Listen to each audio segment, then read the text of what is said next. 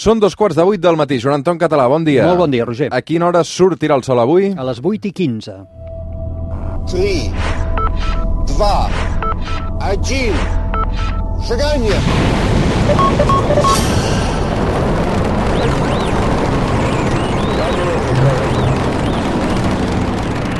One small step for man, one giant leap for mankind.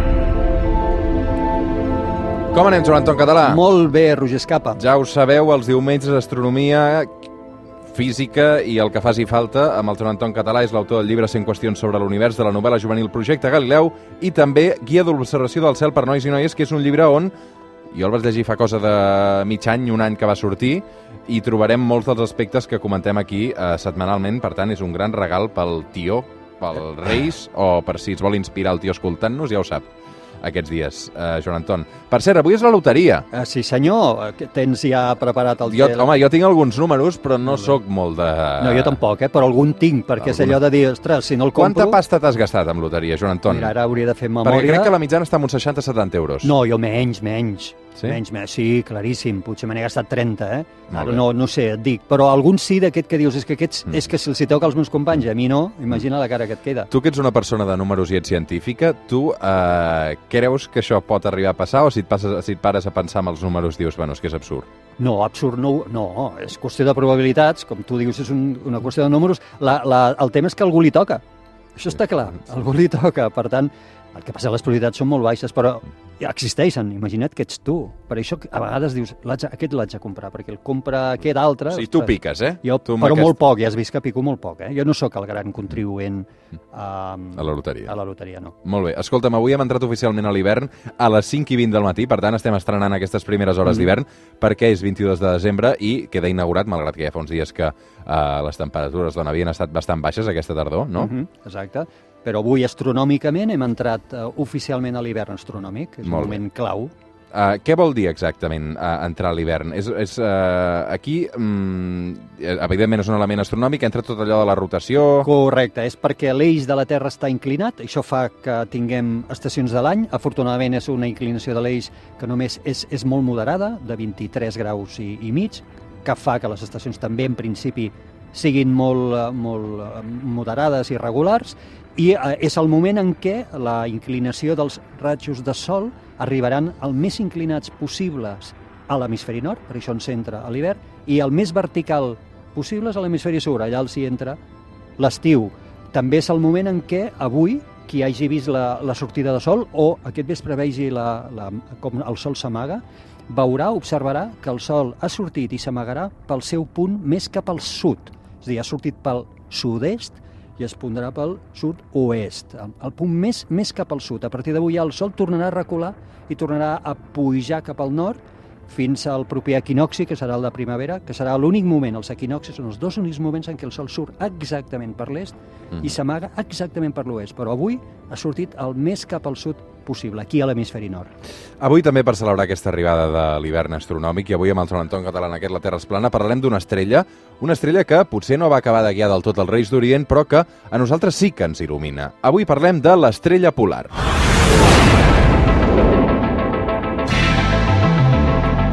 Avui, Joan Anton, un capítol dedicat a aquesta estrella polar. Què és exactament? Mira, de moment eh, ja t'avanço, que després ho anirem explicant, que el nom d'estrella polar és un nom de préstec. Eh? En aquest moment, eh, aquesta estrella gran parem ostenta aquest nom, però l'haurà de cedir. Ell el va cedir, perquè com ara explicarem, el títol de ser una estrella polar, que apunta al nord, és rotatori. Ara, ara n'explicarem. Per tant, si vols, primer t'explico què és aquesta estrella. És una estrella que el seu nom tècnic, aquest sí que és el seu nom, és Polaris. Eh? Si algú es vol referir amb ella d'una forma tècnica, és Polaris. És l'estrella principal, la més important, de la constel·lació de la Ossa Menor.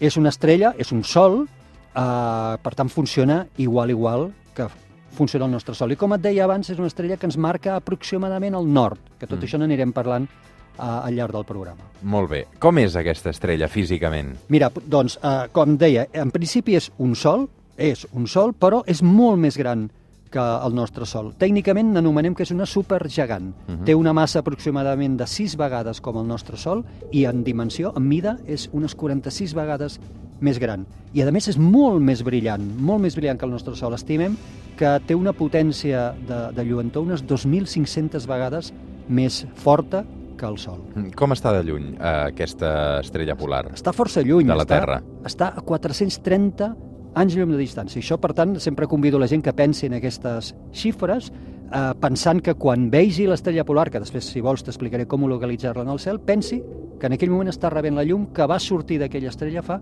430 anys. Això, eh, que està tan lluny, eh, fa que la veiem molt modesta en el cel, tot i que és molt gran, com et deia, i molt brillant, intrínsecament, com que està a 430 anys llum, que això és força, després quan t'expliqui com localitzar-la, al final necessitem trucs per localitzar-la, perquè no és una superestrella en el nostre cel, justament perquè està molt lluny. Brilla més que la resta? No. De fet, dintre del catàleg d'estrelles, ara t'ho estic dient de memòria, jo penso que està dintre de les 50 estrelles més brillants, però estaria a la cua d'aquesta llista de les 50. No és ni la primera, ni la segona, ni la desena, ni la vintena.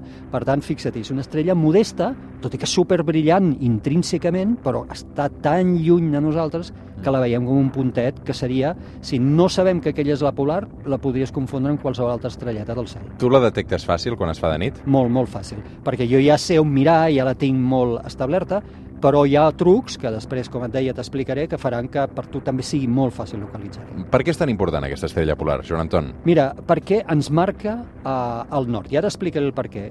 Demano ara que la gent faci un exercici, que entenc que molt senzill d'imaginació, s'imagini el globus de la Terra girant, el tenim girant, que és aquest gir que fem en 24 hores, quasi 24 hores. I ens imaginem que gira en un eix, és aquest eix en el, sobre el qual la Terra gira. Doncs aquest eix, si l'allarguéssim, imaginàriament cap a l'espai, aniria i trobaria a l'estrella polar. És dir, l'estrella polar, per un efecte casual de perspectiva, es troba en un lloc de l'espai al qual apunta a l'eix de rotació de la Terra. Fixa-t'hi, això fa que aquesta estrella la converteix en la reina que apunta al nord. Ella no es belluga mai, a me- a mesura que el globus de la Terra gira sobre ell mateix, el nostre gel, nostre cel gira, fa que els objectes, com sabem, surtin per l'est i es ponin per l'oest, però en canvi la polar no es mou a la seva posició del cel, perquè allà hi apunta el nostre eix de rotació. Torno a dir, per un efecte absolutament, absolutament casual. Uh -huh. uh, per què diem que sempre la podem fer servir per orientar-nos, Joan Anton? com que eh, la tenim situada en aquest moment, perquè després explicarem que no sempre està així, ni ho serà així, està situada sobre l'eix de rotació de la Terra, ens indica el nord. En altres paraules, si tu et situessis ara al pol nord, l'estrella polar la tindries justament al teu cap. Si allarguessis l'eix de rotació de la Terra amb un punter làser que sortís en vertical, com que tu estaries al pol nord, aquest eix et sortiria pel cap, en vertical, dalt d'aquest eix trobaries l'estrella polar. Per tant, tal com després et mous pel globus de, de la Terra, et vas baixant cap a l'equador, l'estrella polar sempre t'indicarà el nord. És l'estrella de referència per trobar el nord. Trobes la polar i saps molt, molt aproximadament en quin lloc ets i, i on és el nord. T'orientes.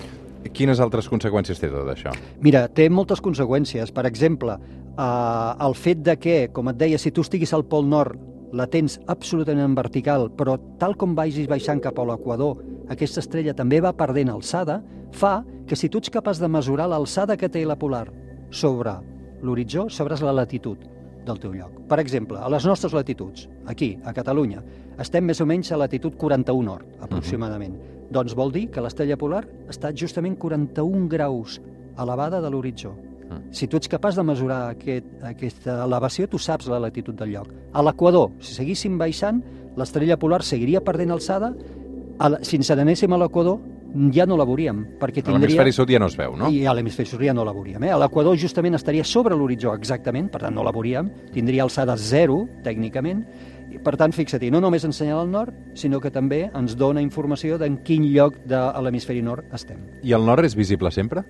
Sí, com que eh, a l'eix de la Terra gira eh, i fa que tot el gel aparent, tot el cel, perdona, aparentment també giri al voltant d'aquest eix, veiem el cel girar excepte la polar. Per tant, si som a l'hemisferi nord, sempre veurem la polar. Sempre la veurem situada en el cel, més o menys alçada en funció de la latitud, però sempre estarà visible. Avui amb el Joan Anton Català, a la Terra Esplana, estem dedicant un capítol a l'estrella polar, eh, una estrella que al nord sempre és visible, Exacte. però que a l'hemisferi sud costa una mica més No- o no- directament no, no és visible. és, no és. Aleshores, les estrelles circumpolars exactament què són? Mira, en aquest gir que jo et deia que té la Terra, que fa que els objectes surtin per l'est i es- i s'amaguin per l'oest, hi ha un grup d'objectes, un grup d'estrelles que estan tan properes a l'estrella polar, tan properes a l'eix de rotació de la Terra, que mai no s'amaguen. Giren, són aquestes fotografies tan xules que a vegades es fan una càmera de nit deixant-la oberta, en exposicions llargues, que veus els traços eh, circulars de les estrelles, doncs el grup d'estrelles que estan més properes a la polar, gir, tot gira al voltant de la polar, però estan tan properes amb ella que ni s'amaguen per l'oest ni surten per l'est. Sempre són visibles. En aquestes estrelles els diem circumpolars. I, evidentment, depenen de la latitud on ets. Com més a l'equador estiguis o com més al nord estiguis, aquestes estrelles et varien. Però, per tant, el conjunt d'estrelles que des del lloc on tu ets sempre són visibles, perquè giren al voltant de la polar i mai no s'amaguen ni surten, en diem circumpolars. Mm. I Polaris també diem actualment que apunta al nord, no? Clar, i diem actualment. Aquí la paraula clau, com veus, és actualment, que és aquest títol que et deia que li hem prestat a la Mm. polar. Per què? Perquè no sempre ha estat l'estrella polar, ni tampoc no sempre ho serà. Tornem a l'exemple. Ara demano un exercici que tots hem fet quan érem petits, especialment els de la meva edat, que és fer girar una baldufa. Quan tu fas girar una baldufa, la baldufa s'inclina una mica i l'eix sobre el qual gira descriu un cercle al voltant de la baldufa. La baldufa no gira absolutament quieta, diríem girant immòbil, sinó que descriu un cercle. Això s'anomena un moviment físic que s'anomena precessió. Precessió. La Terra també té precessió. Això vol dir que aquest eix imaginari que et deia que ara llarga si trobes a la polar, fa un gir enorme, un gir molt ampli sobre ell mateix en 26.000 anys. En 26.000 anys descriu una volta completa. Vol dir que ara la polar és la polar, però d'aquí a 2.000 anys, 3.000, 5.000, 10.000, no ho serà. Ni tampoc ho era fa 10.000 anys, perquè aquest eix apuntava a un altre lloc de l'espai on no hi era aquesta estrella. Potser n'hi havia altres, eh? Per tant, eh, hi haurà altres estrelles que ocuparan aquesta posició. o no. Eh? I aquí tenim algun exemple. Per exemple, fixa-t'hi, hi ha una, una estrella molt important del cel, aquesta sí que és de les més brillants, crec que és la segona més brillant del cel de l'hemisferi nord, que es diu Vega. Per cert, que hagi vist la pel·lícula Contact, de la Jodie Foster, uh -huh. aquesta és l'estrella on, on van. Doncs Vega, en uns 8.000 anys, serà l'estrella polar. Serà una estrella polar excepcional, superbrillant. Per què? Perquè coincidirà que l'eix de la Terra haurà girat, haurà fet aquesta volta tan gran, i a l'eix de la Terra, si la llargues, trobarà aproximadament, no tan perfecta com ara troba la nostra Polaris, però trobarà, trobarà Vega. Vega serà l'estrella polar. Uh -huh. En altres casos, per exemple, quan els egipcis van construir les piràmides, en aquell moment l'estrella polar no era la nostra Polaris, era una altra que es deia Zuban, de la constel·lació del drac. I quan els fenicis eh, feien les seves, els seus negocis, la, no hi havia una estrella polar. A l'eix s'havia mogut a un lloc on no coincidia en cap estrella d'una forma um, exacta, no? o més o menys exactes. I ells utilitzaven tota la constel·lació de l'Ossa Menor per orientar-se.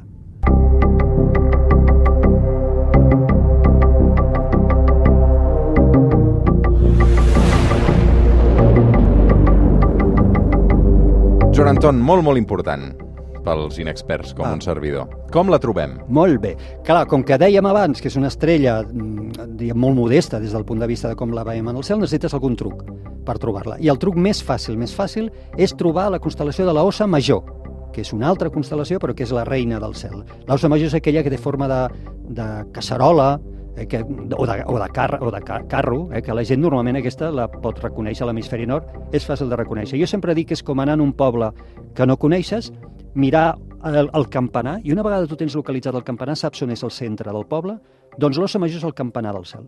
Tu localitzes l'ossa major i a partir d'aquesta pots localitzar la resta. Molt bé, ara ja tenim l'ossa major identificada.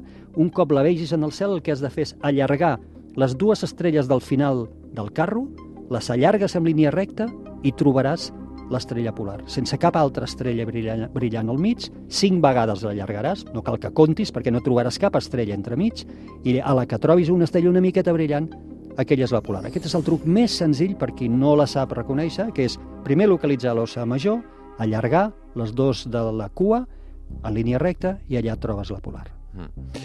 No costa, per tant. No, no, no, és molt senzill. És el truc que utilitza pràcticament tothom uh, per localitzar la polar. És molt senzill. A la que ho has practicat una vegada ja entens el moviment i ja de seguida ho fas. Uh, es pot fer el nu? Sí, no, no, és, és a ull nu que s'ha de fer. Això no es pot fer d'una altra forma perquè en prismàtics no ho podries fer tampoc, perquè t'augmentarien tant que et costaria fer aquest moviment de línia recta. S'ha de fer a ull nu, eh? és simplement mirar el cel, localitzar la, el gran carro, l'osa major, que com et dic és la constel·lació més fàcil de localitzar, allarga les dues últimes de la cua i trobes la polar.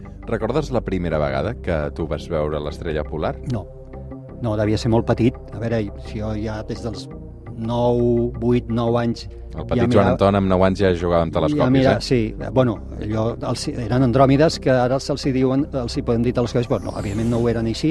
Sí, jo potser, això, 8-9 anys ja localitzat, clar, sí, segur. Aquell telescopi que et vas fabricar tu mateix encara el tens o no? No, no, no, allò era un tub de cartró de la botiga de roba de la meva, on treballava la meva tieta i peces que havia aprofitat d'un microscopi, d'una lent, no tenia, l'aguantava, ho recordo perfectament, uns estenedors de roba que allà m'aguantaven el pes d'aquest tub llarg. No ho practiquin a casa seva, això, eh? No, és perillós i a més adverteixo que veuran menys que es pot veure a ull nu. És dir, un telescopi que no em permetia, permetia Però veure la, encara inno la innocència dels Sí. petits, no? Sí. Vull dir, però et va funcionar o no? Sí, bueno, clar, jo veia, una, jo veia una estrella.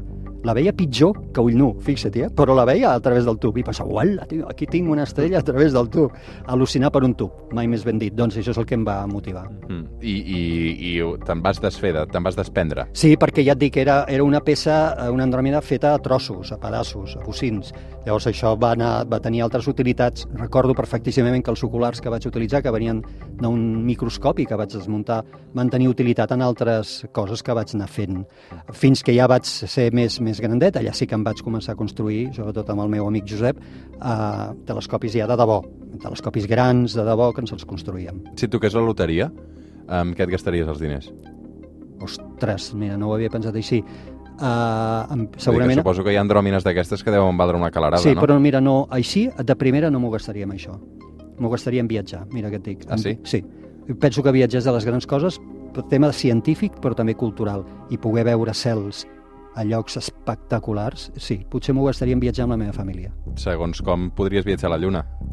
S'haurien de dir molts diners, però d'aquí a poc es podrà fer, i quan vaig a les escoles, als nanos els dic, vosaltres segurament anireu a l'espai, molts de vosaltres anireu a l'espai. Amb un vol comercial, fins i tot, potser. Sí, és clar, clar. Avui ja si tens molta pasta a l'Estació Internacional Espacial hi pots anar, que n'hem parlat alguna vegada, uns quants milions d'euros, sobre uns 30 milions d'euros. 30 segura- milions d'euros. Més o menys, eh? Més o menys ja pots eh, comprar-te No el està a l'abast bitllet. de tothom, eh? No, per passar-te uns dies allà a l'Estació Internacional Espacial en unes vistes que, que, espectaculars, que no les tindrà cap hotel de les que puguis trobar aquí a la Terra, clar. Mm. Quants dies? Mm, Són viatges de... a, a, a, la pujada és molt ràpida, la pujada la fas amb hores i la baixada també, i l'estada en allà segurament et deuen deixar uns quants dies, 4, 5, 6, 7 dies, no crec que et deixin més. Set dies. Crec, eh? T'ho dic de memòria. I l'agència que comercialitza això és una companyia russa que, que et posa dintre de la Soyuz... A veure, a veure que, clar, també Quantes hi ha... persones hi van? Vull dir que dic, multiplico 30 per... No, no, no, no, això hi han anat molt poques persones. Molt... No, dir, per potser si exemple, van mira... 15 persones de cop, No, es mira, allà a la no. Soyuz tots 15? No, no, no, han estat 30 comptadíssimes. per 15 surt una bona no, xifra, no, eh? han estat comptadíssimes. Eh? Estat... L'Elon Musk, no, hi ha anat? No, l'Elon No? Musk no hi ha anat. L'Elon Musk vol enviar gent amb les seves naus a l'espai. Elon Musk té la idea de comercialitzar tot Ah, això. exacte, ell està treballant per comercialitzar. El que hi ha anat és el fundador del Cirque du Soleil, Ah, carai. algú, Guy, em sembla que es diu La Liberté. Mhm. ell, ell va ser el segon, crec, turista espacial en anar a l'Estació Internacional Espacial. Molt interessant, Joan Anton, tot això que expliques. Sí, és interessant sobretot pensar que algun dia eh, tu, igual, i els que et venen darrere... jo no ho m'ho podré fer. pagar, t'ho asseguro. Bueno,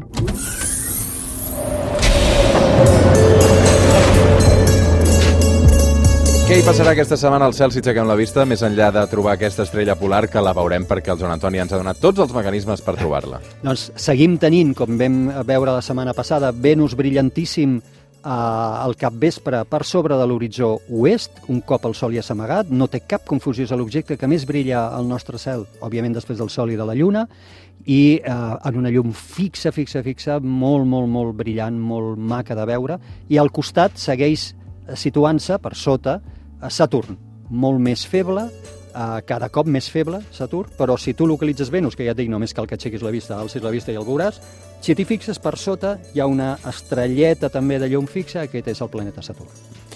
Joan Anton, una meravella un dia més. Gràcies. Molta moltes sort gràcies, amb la loteria. Igualment. Una abraçada ben forta. Adéu. Fem una pausa i de seguida tornem al suplement. Fins ara.